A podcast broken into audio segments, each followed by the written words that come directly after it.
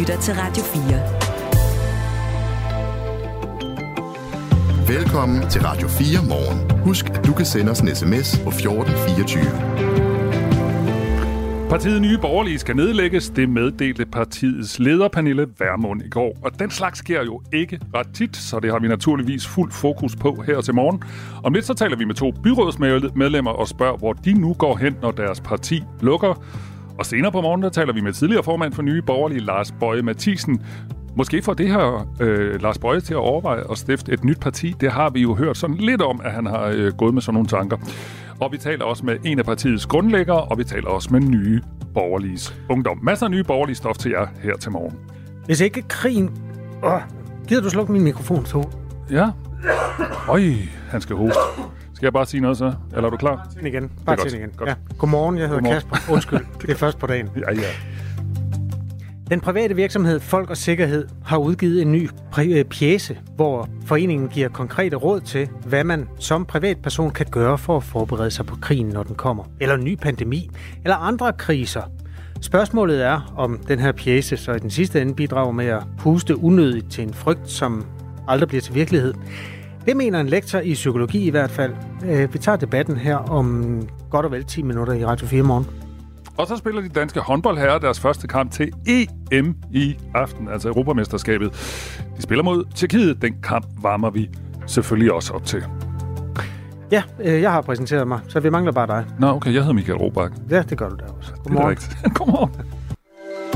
Du lytter til Radio 4 morgen. Hvad skal der ske med mig? Det spørgsmål stiller flere af nye borgerlige byrådsmedlemmer sig nok lige nu. For efter partiets leder øh, efter partiets leder Pernille Vermund onsdag opløste partiet. I samme ombæring så opfordrede hun også lokalpolitikerne i nye borgerlige til at melde sig ind i andre partier. Det er tid til at øh, nødlande og, øh, og så sørge for, at de mange gode kræfter, der er i Nye Borgerlige, kommer sikkert over i andre partier, så de kan fortsætte den kamp, som er så vigtig. Sådan sagde jeg til Pernille Vermund i går. Og vi har derfor her på Radio 4 ragt ud til samtlige 37 tilbageværende, øh, tilbageværende byrådsmedlemmer valgt for nye borgerlige for at høre, hvad fremtiden bringer. 20 af dem har svaret, og to af ja, dem... der var faktisk en af dem, der ikke engang havde hørt endnu, at ja, det hendes parti var opløst eller under opløsning. Ja, det var også der overbragte nyheden. Ja, så... øh, sådan er der faktisk flere, der har haft det. Det vender vi også tilbage til, Kasper. Ja. 20 af dem, vi ringer til, har svaret, og to af dem skal vi tale med nu. Jens Nygaard Johansen, han er byrådsmedlem for Nye Borgerlige i Frederikshavn. Godmorgen. Ja, godmorgen. Nu opfordrer Pernille Vermund øh, jer til at melde jer ind i et andet parti. Hvilke tanker har du gjort dig om, hvilket parti du skal ind i? Jamen, øh, altså, nu skal jeg jo lige over med mit, hvad skal man sige, hvad skal man sige granatchok. Selvfølgelig. Altså, ja, da jeg fik nyheden i går, der kl. 8, jeg blev ringet op af vores øh, lokalformand, øh, så vil jeg da sige, at jeg havde sådan en fornemmelse, ligesom man ville have, hvis man kom hjem fra arbejde og så ens hus, det var brændt ned. Mm. Øh, man er sådan lidt chokeret, og så kommer der en masse spørgsmål. Hvad så nu? Og det er jo så også det spørgsmål, du stiller. Øh, og, og jeg er ikke færdig i politik. Tværtimod, politik det går, det går i blodet, så, så, så, så, så jeg kaster ikke håndklædet og siger, at det var det. Øh, så jeg kigger mig om øh, på, til hvilke partier i, hvad skal man sige, blå blok, øh, hvor, hvor, hvor jeg sådan ligesom matcher bedst. Altså, jeg kan nok ikke finde et parti, der, der matcher mig 100%, men så må jeg også se, hvilket parti, der, hvor jeg er mindst uenig, kan man vel sige. Og hvor er du så landet henne? Jamen altså, PT uh, umiddelbart ser jeg mig kun enten, uh, enten mellem uh, Liberale Alliance eller Danmarksdemokraterne. Hvorfor dem? Hvorfor de to partier? Jamen fordi, at hvis jeg kigger på de øvrige blå partier, så vil jeg sige, at der, der, er, jo, der er en del af dem, som, som jeg ikke umiddelbart betragter som værende ikke blå partier mere. De er skubbet mere og mere ind mod midten. Øh, så, og jeg er blå, og jeg er borgerlig. Øh, så, så, så jeg vil gerne ind i et parti, der har en, en, øh, en, en, en hvad skal man sige, borgerlig, en borgerlig politik. Og når jeg sådan skæmmer de politiske punkter igennem på Liberal Alliance og, øh, og hvad de hedder, Danmarksdemokraterne, så er det faktisk dem, der, der ligger længst til højre på midten, kan man sige. Mm. Hvorfor egentlig ikke Dansk Folkeparti? Fordi man kan vel sige med øh, Morten Messersmith, så er Dansk Folkeparti vel sådan blevet noget mere borgerligt, end det har været i en periode?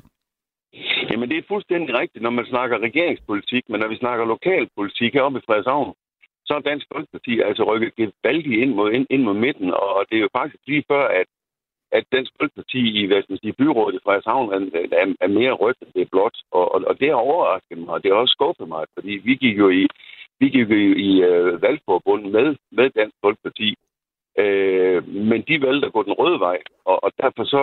Øh, jeg, jeg kigger ikke så meget på... Jo, jeg selvfølgelig kigger jeg også på, på landspolitik, men jeg kigger lige så meget på, på lokalpolitik, fordi det er de borgere, som, som sætter deres kryds med mig, som jeg ligesom skal repræsentere. Noget af det, vi ikke taler så tit om, det er, at øh, det er jo også, og måske i særdeleshed ude i byrådene, også handler om sådan øh, personlige kontakter, hvem man godt kan lide, og hvem man ikke kan lide, og hvem man synes, man arbejder godt sammen med, og den slags. Hvor meget betyder det? Det betyder utrolig meget, og øh, vi har en ny borg, eller undskyld, vi har i, i hvad skal sige, byrådet i Frederikshavn et fantastisk godt samarbejde. Øh, og jeg vil rose vores borgmester, selvom hun er socialdemokrat, så gør hun meget for at rykke ind mod, mod midten og finde, finde hvad skal man sige, kompromiser. Øh, men når vi snakker små partier, øh, så har vi i, i, i byrådet i Frederikshavn, der har vi Venstre, og vi har konservative, og vi har Dansk Folkeparti, og så har vi så mig, der nu er, hvad skal man sige, partiløs. Øh, Venstre, de har ikke konstitueret sig, så, så de går jo 100% deres egne veje. Men kigger vi så på for eksempel konservative Dansk Folkeparti, jamen så har de konstitueret sig, og, og det betyder selvfølgelig også, at de er gået væsentligt ind mod midten. Men vi har et fantastisk godt samarbejde på tværs af de politiske partier. Og det kan jeg også se nu her i går. Jeg blev både kontaktet af, af vores borgmester, Socialdemokratiet og andre fra Socialdemokratiet. Jeg blev også kontaktet af SF. Jeg blev kontaktet af hvad kan sige, konservativ. Så, så vi har et godt samarbejde. Hvad betyder, har, hvad, ikke på... hvad betyder kontaktet? Var det tilbud SF, der for eksempel også, og du kunne komme ind i SF? Nej, nej, nej. nej. Nå, okay, og det var det, jeg skulle sige, at, at det var ikke fordi, at de ville sige, nu er du, nu er du velkommen her. Men det var simpelthen øh, øh, held og lykke, og, og, og det var noget træls. Altså de der venlig mente ord, øh, og, og det kan jeg jo så fornemme, at der er støtte, øh, uanset partiets farve, og der er også støtte lokalt. Jeg har talt med, med vores, øh, vores lokalforening, og samtlige medlemmer, de støtter mig 100% i mit, i mit valg. Nu skal vi jo så bare finde ud af, i hvilken retning det kommer til at gå. Hæng lige på, Jens øh, Nygaard Johansen, øh, fordi vi skal lige have en anden, øh, en anden nye borgerlige byrådsmedlem øh, med os, og det er regionsrådsmedlem og byrådsmedlem for Nye Borgerlige i Næstved Kommune, Gita Leander. Godmorgen. Godmorgen. Hvilke tanker har du gjort dig om øh, Pernille Vermunds opfordring øh, til at skifte parti? Jamen, øh, jeg har sådan set ikke haft tid til at tænke så meget over det, og det skal lige bundsætte sig. Mm. Men øh, der er ingen tvivl om, altså, jeg står ved de værdier og holdninger, jeg har, og det er Borgerliges politik, jeg fører. Og øh, den politik, den skal jeg kunne føre videre i et andet parti. Øh, det går jeg ikke på kompromis med. Der er selvfølgelig nogle små kanter, der måske skal skæres og, og formes, øh, men det er det hele. Så jeg er nødt til at være tro over for mig selv og tro over for de vælgere, der har stemt på mig. Så jeg er nødt til at kigge mig om efter et parti, der står på, altså på samme linje som uh, Nye Borgerlige. Men bliver det ikke lidt svært at komme ind i et andet parti og sige, at jeg vil altså gerne føre nye borgerlige, øh, øh, nye borgerlige videre i det her parti? Altså man tager jo den, der, der ligner det mest i hvert fald, og så må man jo snakke med dem om, om, øh, om man kan blive ved med at føre samme politik. Nu kom jeg fra Dansk Folkeparti, inden jeg gik over i Nye Borgerlige. Og der, der, altså i Dansk Folkeparti, der førte jeg faktisk Nye Borgerliges politik, inden jeg gik over i Nye Borgerlige. Okay. Vi har kontaktet samtlige 37 øh, nye borgerlige byrådsmedlemmer, og 20 af dem to telefoner, vi talte med os, og vi fik lidt forskellige meldinger. De fleste ved endnu ikke, hvilket parti de vil melde sig ind i, andet end at det nok bliver et borgerligt parti.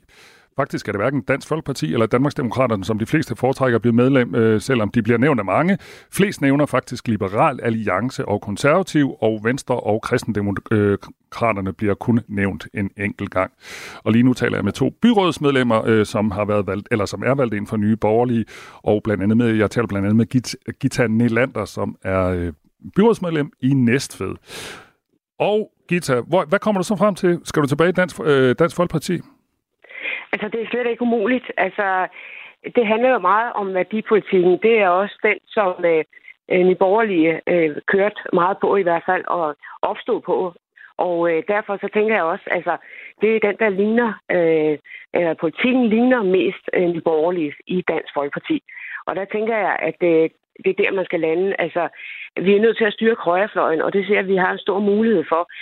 Øh, Liberale Alliance, Danmarksdemokraterne, de svæver lidt ind i midten og flytter lidt med venstrefløjen, og øh, der er så meget, jeg skal give køb på øh, hos Liberale Alliance. Det er blandt andet indvandringspolitikken, det er EU, og det er altså noget af de værdier, der står stærkt hos mig. Lad os lige tage Jens Nygaard Johansen, som er byrådsmedlem for, øh, i Frederikshavn med igen. Øh, nu kan vi høre her på, øh, på Gita Nylander, at øh, du er ved at melde dig nærmest ind i et venstrefløjsparti? Ah, ja, altså, det er jo igen... Øh, altså, jeg skal jo lige sætte mig ned, og så skal jeg jo gennem, øh, ligesom gå, gå deres politik igennem, og så skal jeg selvfølgelig også have en rigtig god samtale med deres øh, regionsformand eller hvad skal man sige, lokalformand, og så må vi jo så se, hvor vi så lander. Og hvis det viser sig, at de ligger langt ind mod, øh, ind, langt ind mod midten, og de ikke vil give afkald på eksempelvis øh, deres indvandrerpolitik og deres EU-politik, fordi der vil jeg give fuldstændig ret, det er jo en af de mærkesager, som både jeg og mange andre nyborgerlige, de har de arbejder og kæmper for. Øh, så må jeg også kigge på, hvad skal man sige, lokal, lokalpolitik. Øh, hvor, hvor, hvor ligger de to partier lokalt? Øh, er der et godt samarbejde? Er politikken, passer den til os op i det mørke, mørke Nordjylland? Mm. Øh, og hvis ikke det er tilfældet, jamen, så må vi søge videre. Som vi talte om tidligere, så kom Pernille Værmunds udmelding øh, som lidt af en bombe. og Den kom også bag på flere lokalpolitikere, fordi de ikke fik besked fra hende selv. Flere fik først øh, nyheden, da de blev ringet op af medierne. Og det har vagt skuffelse hos flere nye borgerlige byrådsmedlemmer. For eksempel hos Bruno Ostenfeldt, eller Ostenfeldt, der er byrådsmedlem i Ikast Brande Kommune for nye borgerlige.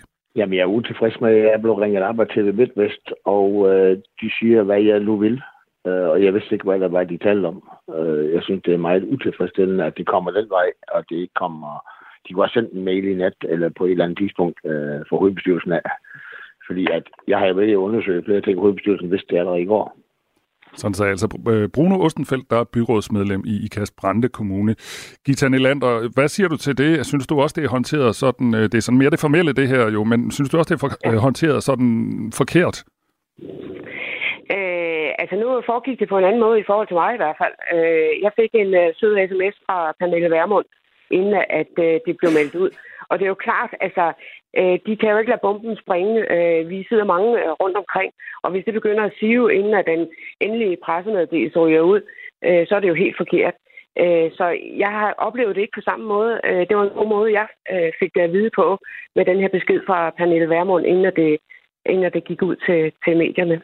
Vi skal også lige høre dig, øh, Jens Nygaard Johansen. Synes du, Pernille Vermund håndterede den her situation på den rigtige måde? Jamen, jeg vil give, jeg vil give Gitte fuldstændig ret. Øh, hvis og så frem, at øh, meldingen den var kommet ud øh, tirsdag, tirsdag aften, øh, så, havde det, så havde det spredt en masse forvirring og en masse rygter og en masse øh, holdninger, som var kommet ud lang tid før. Så det er 100 gange bedre, at de, øh, de samler det. Og øh, jeg havde også en positiv oplevelse. Jeg blev kontaktet af, af, min, af min formand, der i øvrigt også sidder i, sidder i hovedbestyrelsen, øh, om morgenen kl. 8, øh, der ringer og sagde sådan og sådan og sådan. Øh, så, så, så jeg vil give fuldstændig give til ret. Altså, man kan ikke bare melde ud så tidligt til så mange, til så mange personer. Det vil skabe, det vil skabe uro, det vil skabe rygter og en masse fnid og fnader. Tak skal I have begge to, øh, fordi I vil være med i Radio 4 morgen, og held og lykke med at finde et nyt parti. Tak skal du have. Godmorgen. Godmorgen. Nogle gange så bliver mine børn spurgt, for eksempel, hvad var øh, centrumdemokraterne? Hvad svarer du så? Så svarer jeg, det var sådan et, øh, en slags midterparti. De kom vist fra Socialdemokratiet, eller det gjorde deres formand i hvert fald, og han var ret øh, højlydt og karismatisk, og så havde de deres tid i dansk politik. Og på den måde har jeg lavet en sætning, der indkapsler det her afdøde parti. Mm. Vi skal til at have lavet sådan en. En, en sætning, der indkapsler, hvad nye borgerlige var. Nu skal vi til at bruge datid. Hvad, hvad var nye borgerlige? Der har jeg brug for hjælp fra dig, der hører Radio 4 morgen, hvis du har overskud til det midt i madpakker og havregryn og hvad man laver sådan en morgen. Vil du ikke lige skrive en sætning, der indkapsler, hvad var nye borgerlige? Der kan man jo tage både den glade og den mindre glade, eller den sarkastiske, eller hvilken hat man nu der har lyst til torsdag morgen. Det afgørende er, at det skal munde ud i en sms, og det er altså en sætning. Du skal skrive til 1424. Efter 52 år er det igen tid til tronskifte i det danske kongehus. På søndag siger vi farvel, når dronning Margrethe takker af, og velkommen til Danmarks nye konge, Frederik den 10. Lyt med live fra kl. 13.00. Radio 4. Ikke så forudsigeligt. Det bliver vores dækning heller ikke. På søndag er det Anders Stjernholm, der er med i Radio 4 morgen. Øh, eller ikke i Radio 4 morgen, men altså dækningen af det her. Og så en vært, som vi kender fra Radio 4 morgen, nemlig Anne Philipsen, der mm. laver comeback i sendefladen på det tidspunkt. Nu skal vi vende os mod noget andet, nemlig krigen. Den kommer måske lige om lidt. Det er jo det, svenskerne er blevet advaret mod, og det er vi danskere i en vis forstand også, fordi en privat organisation, der hedder Folk og Sikkerhed, har lavet en pjæse, en online pjæse, med konkrete og lavpraktiske råd til danskerne.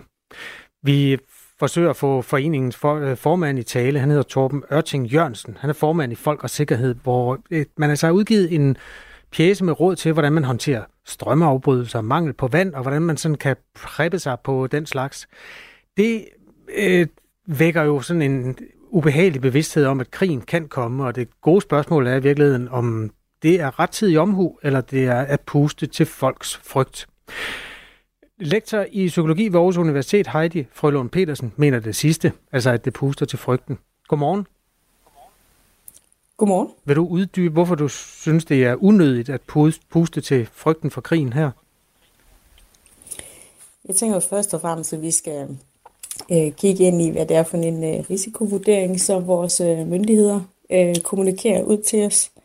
Og, øh, og så vidt jeg ved, så, øh, så er der blevet kommunikeret meget lidt ud i forhold til, øh, øh, at der skulle være en øget risiko for os lige nu, som skulle betyde, at vi skulle have øh, sådan en folder her.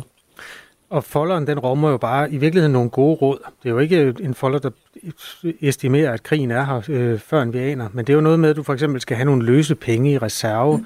Måske etablere et nødtoilet, og så der er 10 råd i alt. Det kan være, at vi skal hilse på manden bag pjæsen, fordi ham har vi fået fat i nu. Torben Ørting Jørgensen, godmorgen. Godmorgen. Formand i den her forening Folk og Sikkerhed, der arbejder med sikkerhedspolitik. Hvorfor er det nødvendigt at øh, sende 10 råd om, hvordan vi skal klare os i krigstid? Jamen det er det jo, fordi vi, deler, eller vi lever i en verden, som er mere risikofyldt i øjeblikket. Øh, og det er simpelthen ikke kun øh, affødt af situationen i, i Ukraine og, og, og i Gaza. Det er i lige så høj grad øh, ekstrem vejr, pandemier og andre ting, som jo har vist, at der er behov for, øh, at vi får nogle anvisninger til, hvordan vi skal forholde os, så vi netop ikke behøver at stå i kø efter toiletpapir, når det brænder på. Etablere et nødtoilet, lyder råd nummer tre. Har du etableret et nødtoilet? Nej, men jeg har de midler, der skal til for at kunne etablere et nødtoilet, hvis det opstår, hvis situationen opstår. At det kan, hvad skal man sige, komme lidt ud af takt med de meldinger, vi får fra øh, regeringen og myndighedernes side. Det, det er jo det kritikpunkt, Heidi Frølund Petersen, hun øh, fremhæver her. Hvad siger du til det? Jamen, Danmark lever jo ikke i en øde ø. Jeg tror, at der er danske borgere hverken dumme eller naive, øh, og de hæfter sig da også ved den udmærkede mediedækning, der har været, de udmeldinger, der kommer fra et naboland, der ligger ganske kort fra os, nemlig Sverige. Og det er der med til at præge den opfattelse og den perception, man har. Hvis man alene forlader sig på en øh, rådgivning fra en dansk regering, øh, som baserer sin opfattelse af situationen på, at Forsvarets efterretningstjeneste øh, ikke øh, finder, at der er en direkte militær trussel imod Danmark, så kan det da øh, godt tilrådes at udøve en lille smule rettidig omhu, og så gøre sådan nogle overvejelser om, hvordan man selv forholder sig, hvis nu at den her forudsigelse fra en efterretningstjeneste, der kan sig på 10 minutter, ikke holder stik. Og det er ikke for at fremkalde frygt eller noget som helst andet. Det er det stik modsatte, at vi gør det. Vi fortæller nemlig den danske befolkning, at man kan øh, suge luft ned i maven, og så i virkeligheden med nogle enkle tiltag sørge for at sikre sig selv og sin familie, sådan så man ikke lægger øh, de offentlige myndigheder til last, mm. hvis der skulle komme en situation, hvor man skal fokusere på at hjælpe de svageste i samfundet. Heidi Frølund Petersen er altså lektor i psykologi ved Aarhus Universitet. Hvorfor er rettidig omhu i den her sammenhæng noget dårligt? Jeg tænker ikke nødvendigvis, det er noget dårligt. Øh, fordi der er jo nogle rigtig fine råd i den her folder. Øh, og jeg kan sagtens øh, følge argumentet, at det er, det er godt at uddele kan man sige, information, som kan være, være almen viden. Øh, det er øh, det, som jeg hæfter mig med, det er jo den her øh, sådan fremrykning af den her folder, som åbenbart har været undervejs et stykke tid, at den kommer i den her, altså med den her timing øh, fra den øh, udmelding, der er kommet fra Sverige. Mm. Øh, som, ja, altså, der er, der, er, har sådan et der er en kort bro, der fører til Sverige. Altså, der er ikke ret langt. Der er ikke særlig langt, det er korrekt. Og så, øh, og så hæfter jeg mig også ved, at vores øh, myndigheder også øh, prøver at sige, at Danmark er faktisk også i, i, en, i en anden øh, sikkerhedssituation. Øh, men så lad os gå ind i, hvad det er, den, der... I den henseende, lad os lige gå ind i tankerne at, at omkring... Skal selvfølgelig... Lad os lige gå ind i tankerne omkring det her med, at øh, at forestille sig, når krigen kommer. Jeg voksede op i 70'erne og 80'erne. Der lavede vi ikke andet, end at forestille os, at krigen kommer. Det var ikke særlig rart, for det var en atomkrig, vi snakkede om dengang. Men ikke desto mindre, så er der jo noget handlingsanvisende i det her. Den dag, hvor krigen kommer, er det godt at have for eksempel noget dåsemad og, og, og nogle penge. Det kan du spise alligevel. Større er forberedelsen heller ikke. Hvordan har du det med den, øh, det, det tankesæt? Øh, jamen, med henvisning tilbage til, altså som du siger, den kommunikation, der, der har været ved, ved tidligere kriser, altså der er jo en, øh, der er jo også et, øh, et element, som, som giver noget handling, og som kan være rigtig fint, og som faktisk kan være, være vigtigt. Og samtidig så øh, vil den her bevidsthed om, hvad nu hvis, hos nogen i hvert fald, kunne være med til at øge en, en, en bekymring, og måske en, en angst, som, som puster op, som, øh, som ikke behøver at være der. Fordi det bliver det her, vi siger, vores, vores øh, tendens til bekymring og angst bliver ligesom fodret af de her hvad nu hvis tanker. Mm. Hvad skal, hvordan og foregår det? kan det? hos nogen øh, altså, øh, eskalere ud i, at det, at det kommer til at fylde øh, uhensigtsmæssigt meget. Er det noget, du har oplevet, eller noget, du frygter? At, øh, øh, at, at bekymring og angst kan komme til at fylde mere. For lige præcis den her forestående krig, eventuelt forestående? Mm. Altså igen, vi, jeg, jeg synes, vi skal holde fast i at sige, at vi, vi lever i en verden, hvor ja, risikoniveauet det, er, det er, virker og bliver kommunikeret til at være højere rundt omkring os. Og samtidig så, øh, så må vi jo forholde os til, hvad det er for en, en virkelighed, vi lever i lige nu. Og, øh, og ja, der, der vil være eksempler fra andre episoder, hvor, hvor der vil være nogen, som er i en højere risiko for at tage de her informationer ind og tage det meget øh, sådan alvorligt, og det bliver, en, det bliver en byrde for dem. Men for langt hovedparten, så vil det jo være en information, man tænker, at den kan jeg tilgå, hvis det bliver nødvendigt, men det er ikke noget, jeg skal, jeg skal bruge meget krudt på lige nu og her. Så det tror jeg også er vigtigt at skælne, at hos øh, langt de fleste vil det være en information, som man, man forholder sig til, og tænker, at øh, den kan man tilgå, hvis det bliver nødvendigt.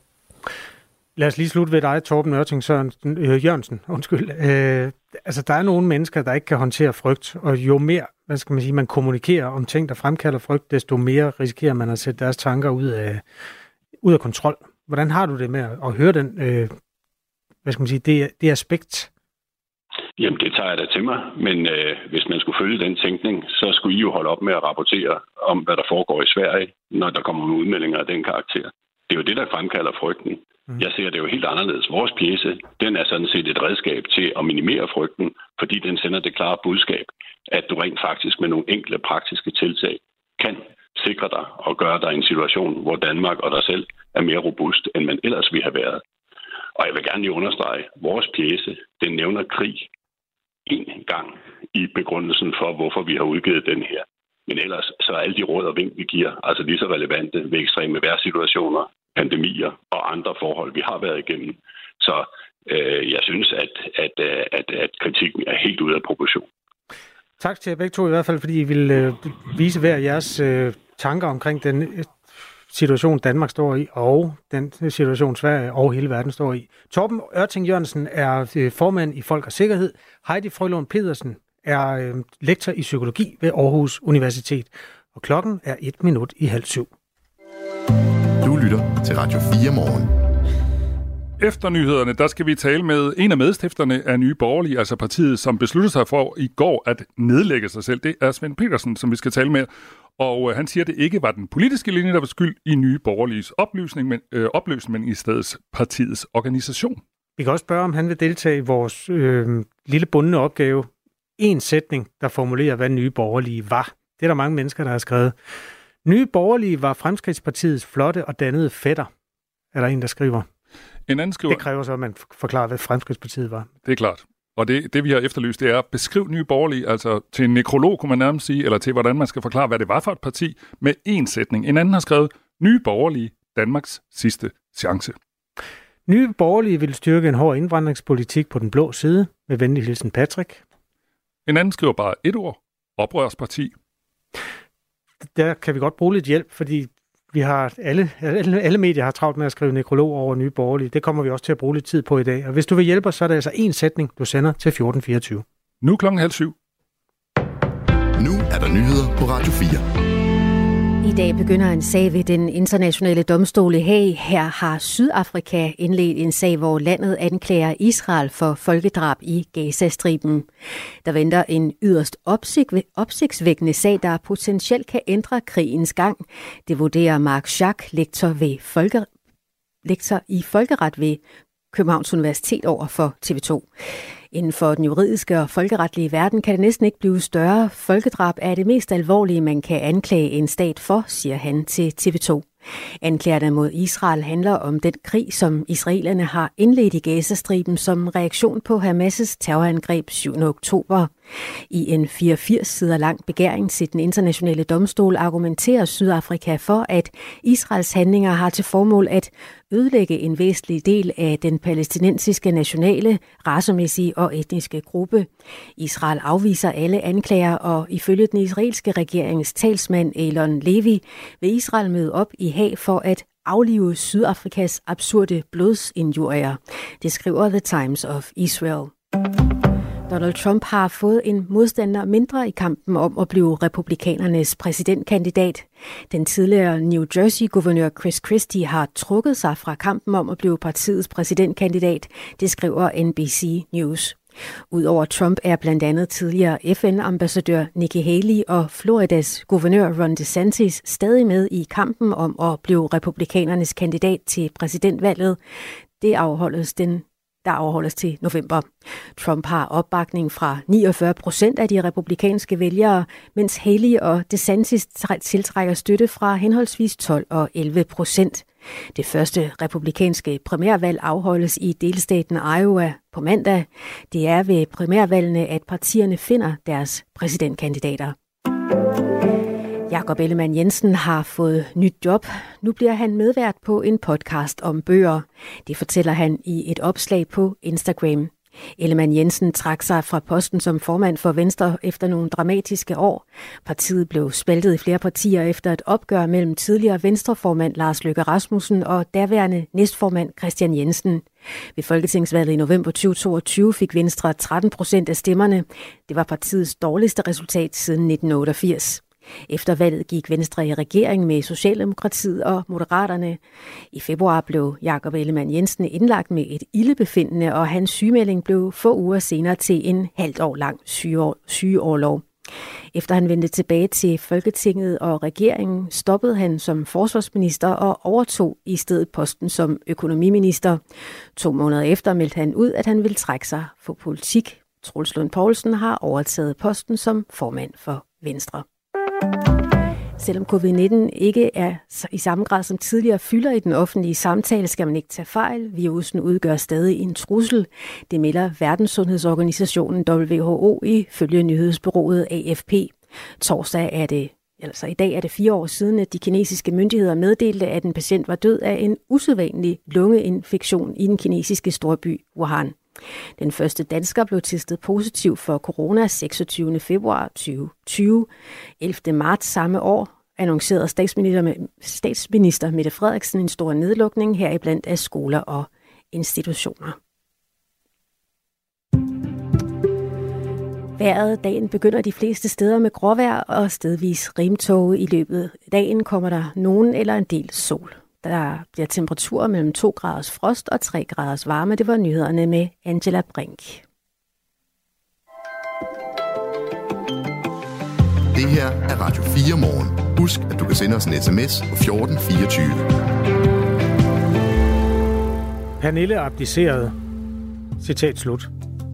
Det er Ronny, der har skrevet en sms til nummer 1424, hvor vi har bedt nogen mennesker, der har overskud til det, om at formulere nye borgerlige i en enkelt sætning, så vi har noget at kunne fortælle vores børn og børnebørn, når den tid kommer, når de spørger, hvad var nye borgerlige? Og vi har fået øh, flere bud ind på 1424. Øh, en skriver, Nye Borgerlige var en politisk bevægelse, der prægede den danske scene med deres fokus på nationalisme og konservative værdier. Det skriver Vestjyden til os. Nye Borgerlige forstod, skriver Michael Jensen, at sprede det budskab, at indvandring er skyld i, at danskerne bliver fattige, alt imens storfinansen bliver rigere og rigere. Patrick øh, Agergaard, han skriver til os, nye borgerlige vil styrke en hård indvandringspolitik på den blå side. Mm, ej, den gider jeg ikke læse op. Men der er en, der fremhæver, at det også har noget med øh, formandens øh, krop at gøre. Så har jeg ikke sagt for meget. Så kan vi tage en anden fra Dorte. Nye borgerlige var og blev en nulbong. Hold da op. Du kan bare skrive på nummer 1424, fordi vi gør status over det, som startede øh, som, ja, hvad skal man sige, store armbevægelser og store forventninger for små 10 år siden, og som lukkede, det lukkede ikke i går, men det er godt nok tæt på. Lukningen blev annonceret i hvert fald. Det er Michael Robach og Kasper Harbo, der samler nyhedstrådene i det her morgenstudie, som du altså kan skrive til på 1424. Så har vi sagt det igen. Klokken er 6.35. Godmorgen. Godmorgen. Du lytter til Radio 4 morgen. Landets dyr skal have det bedre, og derfor så har minister for Fødevare, Landbrug og Fiskeri, Jakob Jensen, lanceret et udspil, der hedder Sammen om dyrene. 23 initiativer skal danne grundlag for en ny dyrevelfærdsaftale, og ifølge ministeren vil en eventuel politisk aftale være den første dyrevelfærdsaftale af sin slags i Danmark. Hos dyrenes øh, beskyttelse, der ser man overordnet positivt på udspillet, men der er mangler, når det handler om landbrugsdyrene. Britta Ries er direktør i dyrenes beskyttelse. Godmorgen. Godmorgen. Lad os tale øh, om øh, landbrugsdyrene. Vi, skal også, øh, vi vender også tilbage til kæledyrene lidt senere. Hvad mangler i det her udspil øh, fra Fødevareministeren, hvis vi øh, snakker landbrugsdyr? Vi kigger generelt på svinene, fordi der har jo i øh, årtier været arbejdsgrupper nedsat omkring, øh, hvordan man skulle forbedre forholdene på svinene. Og der mangler vi nogle konkrete tiltag. Hvad er det for eksempel? Øh, fordi en, ja, men for eksempel det, man nu gør, det er, at man ønsker at nedsætte en arbejdsgruppe i forhold til pattegrisedødeligheden. Øh, og øh, der er ikke, øh, man kan sige, der er ikke nogen tvivl om, hvad der skal gøres i forhold til at løse pattegrisedødeligheden, og man har haft arbejdsgruppe på arbejdsgruppe. Vi er helt tilbage til 90'erne i forhold til de her arbejdsgrupper på svinene. Så det er altså i årtier, man har, man har forsøgt at, at løse det ved at nedsætte nogle arbejdsgrupper, men, men øh, man ved, hvad man skal gøre, så det er bare at komme i gang. Øh, og det, der skal gøres, det er, at man skal simpelthen ændre de avlsmål, man avler efter. Så det du siger, det er, at der er slet ikke brug for den her arbejdsgruppe. Kom bare i gang. Vi ved godt, hvad vi skal gøre, hvis vi skal gøre noget ved dødeligheden blandt pattegrise. Ja. I udspillet så ligger der også op til, at man udfaser stalle, der er indrettet til fixering af grise i de såkaldte farestalve, altså der, hvor søerne føder deres grise. Mm. Er det ikke øh, for eksempel mm. en meget god ting? Mm. I udgangspunktet lyder det rigtig, rigtig fint. Øhm, det vi bare tænker omkring det her udspil, det lyder som om, at man stadigvæk vil fixere søerne omkring, omkring de der 4-5 dage, før de farer. Og det er næsten det værste, man kan gøre ved søerne. Øh, fordi på det tidspunkt, så bulrer deres hormoner rundt i kroppen, og de er faktisk øh, klar til at bygge en rede. Øh, selvom det ikke er det, man lige normalt tænker om en så. Men så bygger i naturen en rede i forhold til, øh, når hun skal føde hendes øh, grise. Øh, og her vælger man altså ligesom at sige, at de sidste dage op imod faringen, så fixerer vi hende alligevel. Og øh, jeg kender jo godt argumentationen for, at øh, man øh, siger, at det vil man gerne gøre. Og det er så, fordi man siger, at det er på grund af pattegrisene, så hun ikke ligger sig på, på pattegrisene. Men der findes løsninger, som tager højde for begge dele. Altså der findes løsninger, hvor solen kan være fri i hele tiden, og så også ikke øh, få en øget øh, pattegrisedødelighed. Det er simpelthen et spørgsmål om, at man giver hende noget ordentlig plads øh, og, øh, at være på. Øh, så der findes løsninger på det her også. Og hvorfor tror du så ikke, man har valgt at øh, skrive de løsninger ind i de her forslag? Det er selvfølgelig fordi, at øh, det er, øh, vi har nogle, man sige, landbruget argumenterer for det, for det modsatte, kan man så sige. Fordi hvis de skal ændre deres avlsmål, det betyder, at de skal ændre avlsmålene til at føde øh, grise, som er mere robuste, og som, øh, og som kan bedre overleve.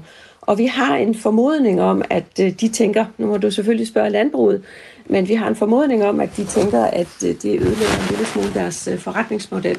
Fordi i Danmark har vi lavet sådan en forretningsmodel, hvor vi har afledet, fremavledet nogle kæmpe søer, som føder rigtig mange grise. Og det betyder, at der simpelthen er et spildprodukt.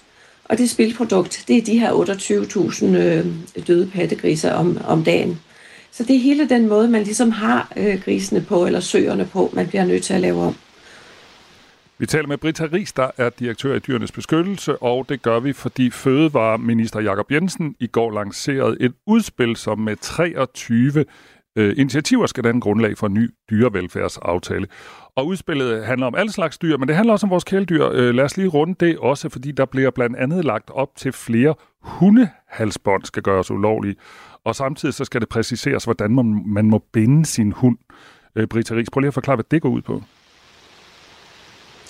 i, det, I dag står der, at man til stadighed ikke må have bundet sin, øh, sin hund op. Men det betyder faktisk, at der ikke er sådan en konkret regel om, hvor mange timer du er, du må have din, øh, have din hund bundet. Altså jeg tror, folk måske kender begrebet lænkehunden. Øh, og det her det er et spørgsmål om, at man ikke må til stadighed have sin hund bundet op, og det synes vi faktisk er rigtig positivt, at der kommer et, øh, et initiativ på det område, fordi det er noget af det, vores frivillige nogle gange øh, øh, oplever, det er, at øh, de oplever de her hunde, som står bundet hele tiden. Og hvor det er svært for dem at gøre noget ved, fordi der ikke er nogen konkrete regler. Så det er rigtig fint, at der kommer et øh, initiativ på det her område. Men kommer der så et eller andet, den må maks stå i, i og bundet i x antal timer? Ja, det, ja det, det vi forventer, at der bliver simpelthen en konkretisering af de her regler. At det er det, vi forventer, der kommer ud af det. Det er en lille smule igen blødt øh, formuleret i initiativet, men vi forventer, at der kommer nogle regler på det område. Mm. Så nævnte jeg også lige noget med hundehalsbånd. Der er nogen, der skal gøres ulovlige. Hvad handler det om? Mm-hmm. Jamen det er jo de øh, halsbånd, hvor for eksempel pikkene vender indad, øh, og hvor vi siger, at der kommer en uhensigtsmæssig måde at, øh, at, øh, at styre eller holde sin, øh, holde sin hund på. Og det er også øh, rigtig fint. Igen er der lidt bløde formuleringer omkring det, men vi forventer, at det er det, der er initiativet, og det hilser vi også velkommen. Så der er både noget godt og noget skidt i den her aftale? Ja, det er lidt blandet bolcher, men generelt er vi faktisk glade for, at det her initiativ det kommer, fordi vi har haft øh, ministre, mange ministre på det her område, hvor der ikke er kommet nogle konkrete initiativer, så vi er glade for, at der kommer et initiativ. Tak fordi du var med her i Radio 4 morgen. Selv tak. Det var altså Britta Ries, der er direktør i Dyrenes Beskyttelse, og Fødevareministeren har indkaldt Folketingets partier til forhandlinger med henblik på en aftale. Klokken den er 6.41. Det her er Radio 4 morgen. Sneen faldt i sidste uge i store bunker, særligt vest for Herning. Nej, undskyld, vest for Herning, der landede ikke ret meget, men øst for Herning, og så nærmest hele landet derfra, har fået dynger af sne. Den er ved at smelte nu, men ikke desto mindre er der også nogle mennesker, der først nu er ved at tø op. Et af dem er Søren Dybdal Hense, der sad i kø i 13 timer på motorvej E45. Han øh, sad i nærheden af Randers, og det er også Randers Amtsavis, der har talt med ham efterfølgende, om en lidelse, som måske er lidt overset, nemlig at det kan tage fire dage at få varme i kroppen igen, når man har siddet og blevet underafkølet på den måde. Altså, øh, altså ægte fire dage, eller bare sådan... Jamen, hans citat er, det tog mig næsten fire dage at få varme i kroppen igen, selvom jeg havde tændt for alle mine radiatorer. Jeg tænker, at det er, fordi jeg har siddet så lang tid i bilen. Og så fik jeg de her underlige prikkener i mine hænder om, under fødderne, og det gik først over efter nogle dage, fortæller han øh, til avisen her. Og øh, han har faktisk ret. Det er helt normalt, at kroppen reagerer i den situation, fortæller Mette Nyrup, der er psykolog ved Ulykkespatientforeningen. Der det er knyttet til en aktivering af alarmberedskabet, og der kan reaktioner efterfølgende både være fysiske og psykiske. Man kan sagtens øh, se alle mulige fysiske symptomer på det, siger hun. Og det vil sige, det er jo ikke kun et spørgsmål om, at kroppen har været kølet ned, men også at sjælen den har været en lille smule på ja, i alarmberedskab. Mm. Så det vil sige, hvis der er andre, der sad derude, måske på E45, der var jo nogen, der sad, jeg tror, op til 30 timer, og som har haft mm. den mhm. samme fornemmelse her, så er den god nok, altså sådan lægeligt set. Ja, og der var også flere. Altså det her begyndte med, at han skrev i en tråd for de her mennesker, som prøvede at finde ud af, hvor længe de skulle sidde i kø. Og der var flere, der reagerede positivt på det. Nå, men uh, internettet øh, reagerede jo også i går, da Randers Samtavis lagde den her på Facebook, uh, som altid propfuldt med empati. For eksempel Arne, der er chef i et lokalt rengøringsfirma i Randers, der skriver, vi bliver vist svagere og svagere. Stop nu det hyleri, skriver Arne. Uh, og høster 69 likes på den mm. kommentar. Mm-hmm. Der er mange i Randers, der synes, det er fedt. Der er også Ingvar, som er lastbilchauffør, der også kommenterer historien fra Søren her, som var ved at øh, fryse ihjel og gå i panik. Han skriver, igen spørger jeg, Hvorfor folk, som fryser i en kø på grund af vejret, ikke spørger den nærmeste lastbilchauffør, om han muligvis har noget kaffe eller bare varmt vand. Størstedelen af os har kaffemaskine eller andre måder at lave varmt vand på i lastbilerne, skriver Ingvar og fortsætter. Kan din bil ikke holde varmen, eller er ved at løbe tør for brændstof, så snak med den nærmeste lastbilchauffør. Vi har som regel mange liter brændstof. Øh, med lidt god vilje har jeg plads til, og så siger Ingvar, hvor mange der er plads til, øh, tre voksne og to børn sammen med mig i førerhuset til at holde varmen. Det får han 97 likes for. Så det er for uden alt det der, vi har fået læst og påskrevet. Husk at have en skovl i bagagerummet. Husk at have tanken fuld, og husk at lade telefonen op. Husk at banke på ruden hos Ingvar. Han har kaffe på kanden, og det er altså næste gang, du sidder isfryser på motorvej E45. Du lytter til Radio 4. Partibogstavet D vil ikke længere være at finde på stemmesedlerne. Det, det har i hvert fald øh, hidtil tilhørt nye borgerlige, som blev bekendt gjort, at øh, det blev opløst i går. Partiformand Pernille Vermund øh, havde over for bestyrelsen anbefalet et endeligt punktum for partiets levetid. Spørgsmålet er så, om det havde behøvet at komme så vidt. Øhm, nogen mener i hvert fald, at den politiske linje ikke fejlede noget. Svend Petersen er en af dem, medstifter af Nye Borgerlige, tidligere medlem af hovedbestyrelsen og med os nu. Godmorgen. Godmorgen. Du mener simpelthen... I det omfang, man kan kalde det en god morgen. Okay, er du i dårligt humør? Ja, jeg er vred, men øh, du ved hvorfor. Jamen, men godmorgen alligevel. Godmorgen. Lad os tale om, hvorfor du er vred så. Hvad er du vred over? Ja, jeg, jeg er vred over, at ideen med nye borgerlige var jo den rigtige i sin tid. Øh, nu begrundelsen er, at der er alt for mange partier på den borgerlige fløj, og det er jeg sådan set meget enig med Pernille Vermund i. Jeg kan bare nævne et par andre partier, der øh, er i højere grad overflødige end nye borgerlige. Og jeg kan jo høre på vandrørene rundt omkring, at der, altså, folk er skuffede, virkelig skuffede over, at øh, det, som de har knoklet for i de her otte år, øh, det var der stor perspektiv i, og nu bliver det bare smidt ud med badevandet. Nu ved jeg ikke, hvordan, man, hvordan du måler overflødighed, men øh, man kan jo sige, at vælgertilslutningen var jo ikke, hvad den havde været, og medlemstallet er jo også raslet ned. Hvad, mm. hvis, hvis det ikke skyldes øh, politikken, hvad skyldes det så? Ja, det skyldes jo interne forhold, øh, og du, du siger medlemstallet, det er jo fuldstændig rigtigt. Altså, man er oppe nu i medlemsnummer 54.000, 55.000 det er sådan cirka så mange mennesker, der har været igennem svingdøren, men der er 9.000 tilbage. Så der er ret mange, øh, nogle af 40.000 danskere, der har været igennem øh, hos Nye Borgerlige og har fundet ud af, at øh, det var så ikke der, hvor deres øh, ønsker blev hørt. Det var ikke der, de blev respekteret. Øh, og det er noget af det, jeg selv har været øh, stærkt utilfreds med, og også derfor, jeg øh, stillede op til hovedbestyrelsen. Det var et meget, meget topstyret parti, og det var der altså behov for at lave om på. Øh, jeg hører ikke til dem, der mener, at man kan topstyre et parti, der består af intelligente, frie borgere. Øh, og et parti, som vil have mere magt ud til den enkelte borger. Det, det, det strider simpelthen mod partiets DNA at topstyre i den grad. Og så har der været et stort element af arrogance også. Okay. Øhm, nu hørte vi lidt tidligere i morges. Øh, ja, men, altså, bare et eksempel her fra, fra øh, jeres eget program tidligere. Altså, man hører Bruno Ostenfeldt fra Ikast Brande sige, at han vidste ingenting om det her, før end at der er en journalist fra lokalavisen, der ringer og meddeler ham det her. Øh, det altså, man kunne vi også, have... at vi, og vi ringede til nogen, der ikke havde hørt det. Ja, som ikke havde hørt det endnu, øh, mm. da I ringer i, i går formiddag, eller hvornår I ringer. Ja. Altså, øh, Jens Nygaard Johansen op på Frederikshavn, han, han var blevet orienteret, men, men han var blevet orienteret af sin organisation, hvad hedder det, regionsrepræsentant, som samtidig er partiets organisatoriske næstformand. Han burde jo, samtidig med at han orienterer pressen, så have orienteret alle tillidsfolk i partiet, så alle var velforberedte, når mm. pressen ringede. Så det, altså den arrogance, så den, den, den, den er partiet aldrig rigtig sluppet af med. Og det har været et stort problem. Jeg taler med Svend Petersen, der var øh, en af medstifterne af Nye Borgerlige. Måske skal vi lige tage øh, historien, fordi det hele begyndte den 24. september 2015. Det må så være 8,5 år siden cirka, at øh, det konservative byrådsmedlem i Helsingør, Pernille Vermund, stiftede et nyt parti sammen med Peter Sejer Christensen og øh, Svend, som er i telefonen nu. Partiet ville øh, kombinere en konservativ værdipolitik med borgerlig økonomisk politik og fik navnet Nye Borgerlige. Partiet kom over spærregrænsen i 2019 og fik fire kandidater. Øh, det efterfølgende valg lykkedes til at yde, øh, udløse yderligere to mandater, men så var det, det gik i opløsning. Øh, uropladet tid for partiet med stribevis af eksklusioner og intern splid. Svend Petersen, der var også noget med dig. Øh, du var ude og, og give den ret meget gas på sociale medier. Du kaldte Mette Frederiksen fuldblåen psykopat og sådan nogle ting der. Altså den slags ballade har vel heller ikke været godt for et parti, eller hvad?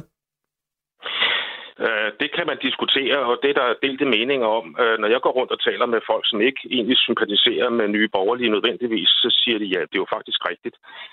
Nu kalder jeg ikke Mette Frederiksen fuldblåen psykopat. Jeg, skrev, er hun? Jeg tror det. Det er så næsten det samme, men det er sådan lidt mere retorisk spørgsmål. Mm. Fordi uh, den, den, den magtbrynde, vi har set hos Mette Frederiksen og Barbara Bertelsen og de mennesker, hun omgiver sig med i det hele taget, det er lidt ud over det sædvanlige. Altså, ja, det var mere for at tale om retorikken i det.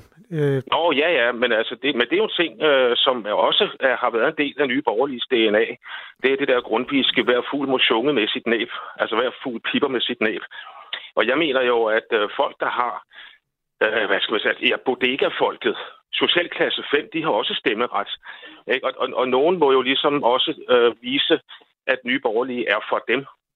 Og, og det var så den opgave, jeg tog på mig, fordi jeg, jeg er meget direkte, når jeg ytrer mig. Ja, det, det tror jeg, alle er enige om. Men, men, men ja. at spørgsmålet er jo så, om det er topstyring at sige, at sådan skal man ikke tale, eller om det er en øh, rettidig omhu fra en partiformand. Fordi det, det, det er noget af det, du, du vil også påtaler. Topstyringen, mm. er det ikke det? Jo, jo men, men det, det sjove er jo, at jeg har jo altid været sådan på de sociale medier siden uh, 2008 eller 9, hvor jeg stemte ind på Facebook. Jeg har altid været meget direkte. Mm. Uh, og alligevel, da jeg stiller op til hovedbestyrelsen ved uh, årsmødet i 2022, der får jeg jo næst flest stemmer fra medlemmerne. Så hos medlemmerne, Ja, der har været delte meninger selvfølgelig om øh, denne her stil. Ikke? Altså, man, kan, man kan også være bedste borger, øh, når man er borger, ja. eller borgerlige. Øh, og, og bedste borger synes jo, at øh, det er lige på kanten, det her. Men, men altså, der er jo også rigtig mange borgere og borgerlige, som synes, at vi skal tale direkte og sige tingene sådan, som de er. Og i hvert fald så fik jeg jo næstflest stemmer, så, så modstanden imod min person har jo ikke været så stor. Nej. Øh, Svend Petersen, nu øh, er det jo altid svært at fordele et nederlag mellem folk. Der er noget med, at sejre de har flere fædre end et nederlag. Ja. Føler du et medejerskab af det nederlag, at partiet nu øh, dør? Nej, det kan jeg jo ikke øh, påtage mig, fordi jeg øh, stemte jo ind i hovedbestyrelsen for at øh, ændre kursen fra en forkert kurs øh, til en rigtig kurs. Øh, og det fik jeg fire måneder til. Så blev jeg øh, ekskluderet øh, af nogen, som øh, ikke deler øh, denne her øh, holdning, jeg har til, at det hver fugl må pipe med sit næb. Uh, så jeg, jeg synes ikke, at jeg kan tage et medansvar for uh, fiaskoen. Okay. Havde jeg siddet i hovedbestyrelsen i dag, og, og var tingene gået min vej, og så det samme var sket, så var det nok en anden sag, men sådan er det jo ikke. Synes du, man skulle have gjort noget andet, end at erklære partiet for dødt? Ja, i høj grad. Uh, og det er jo igen uh, det her med topstyringen. Man skulle have konfereret med medlemmerne, fordi jeg kan jo høre på vandrørene, det, det skal ikke være nogen hemmelighed. Jeg kender stadigvæk mange i partiet. Og øh, nu er det sådan lige, at juraen skal afgøres, men spørgsmålet er, om øh, hovedbestyrelsen overhovedet kan nedlægge partiet, eller om det skal ske ved et årsmøde. Fordi så på et årsmøde kan der jo ske så meget andet. Så øh, selvom Pernille Vermund har øh, pippet i går og sagt sin mening, så den fede dame har ikke sunget endnu, som man siger fra operaens verden. Øhm, så lad os se, hvad der sker. Svend Petersen er medstifter af Nye Borgerlige og tidligere hovedbestyrelsesmedlem i partiet. Svend Petersen, det, mine børn har på et tidspunkt spurgt mig, for eksempel, hvad var Centrumdemokraterne? Og så måtte jeg så i en sætning fortælle, at det var en, nogle tidligere socialdemokrater, der lavede et midterparti, sådan med lidt borgerlige kanter og en meget karismatisk formand. Og på den måde kogte jeg et afdødt parti ned i en sætning. Og vi har givet vores mm. lyttere den opgave at koge nye borgerlige ned i en sætning. Øh, mm. vil du ikke lige tage et par stykker, Michael, bare lige så vi... Jo, øh, der var en, der skrev, Nye Borgerlige var en politisk bevægelse, der prægede den danske scene med deres fokus på nationalisme og konservative værdier. Det var der en, der skrev.